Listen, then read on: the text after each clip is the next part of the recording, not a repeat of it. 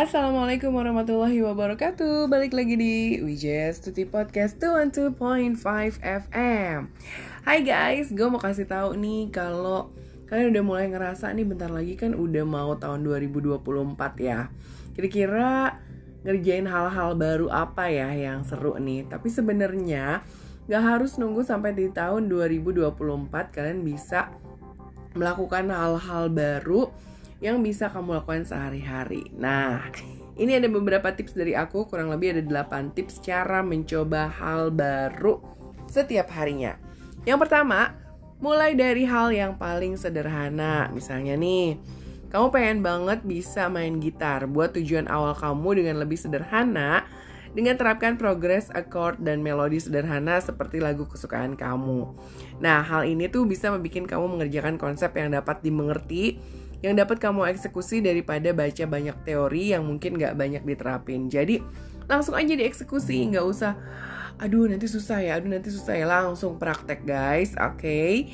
Dan yang kedua, ciptakan suasana atau tantangan baru. Jadi ketika kamu melakukan hal yang sebelumnya tuh belum pernah kamu lakukan, kamu jadi akan merasa lebih tertantang dan bersemangat. Lalu nanti akan muncul suasana baru yang tidak biasa jadi nggak bosen. Iya dong, karena kan kalau ngelakuin rutinitas yang sama setiap harinya tuh kayaknya ih bosen banget ya kan nah yang ketiga kamu harus menemukan tujuan misalnya nih kalau kamu mencoba sesuatu uh, apa namanya menyanyi, menari, memasak atau belajar nyetir mobil gitu kan.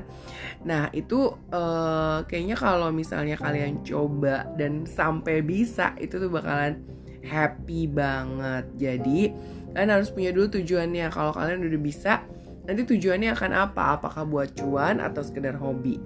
Yang keempat, ciptakan kenangan yang memuaskan. Jadi, pada saat kalian belajar, itu story-nya tuh tetap akan terkenang dan bikin kamu kayak mesem-mesem lagi pas baru belajar. Ya nggak? Nah yang kelima, bertemu orang baru. Dengan mencoba hal baru, kalian akan bertemu dengan orang baru yang pastinya nanti akan membawa kebahagiaan buat kalian juga. Dan yang keenam, kalian bisa belajar menghargai nilai waktu. Karena dengan mencoba hal baru berarti waktu yang kayaknya tuh cuman jalan gitu-gitu aja alias kok cepet banget ya bakalan gak berasa lebih gak berasa lagi karena kita ketemu orang baru dan sudah melakukan hal-hal yang baru dan seru-seru.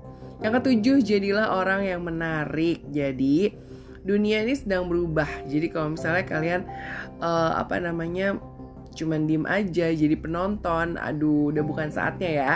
Jadi saatnya kamu menjadi pemain. Apa yang ada dalam pikiran kamu kerjakan dan lihat nanti hasilnya. Yang kedelapan memahami lebih banyak kehidupan. Dengan mencoba hal baru kalian jadi lebih memahami kenapa orang itu berbuat seperti itu. Kenapa orang ini berbuat seperti itu. Begitu guys.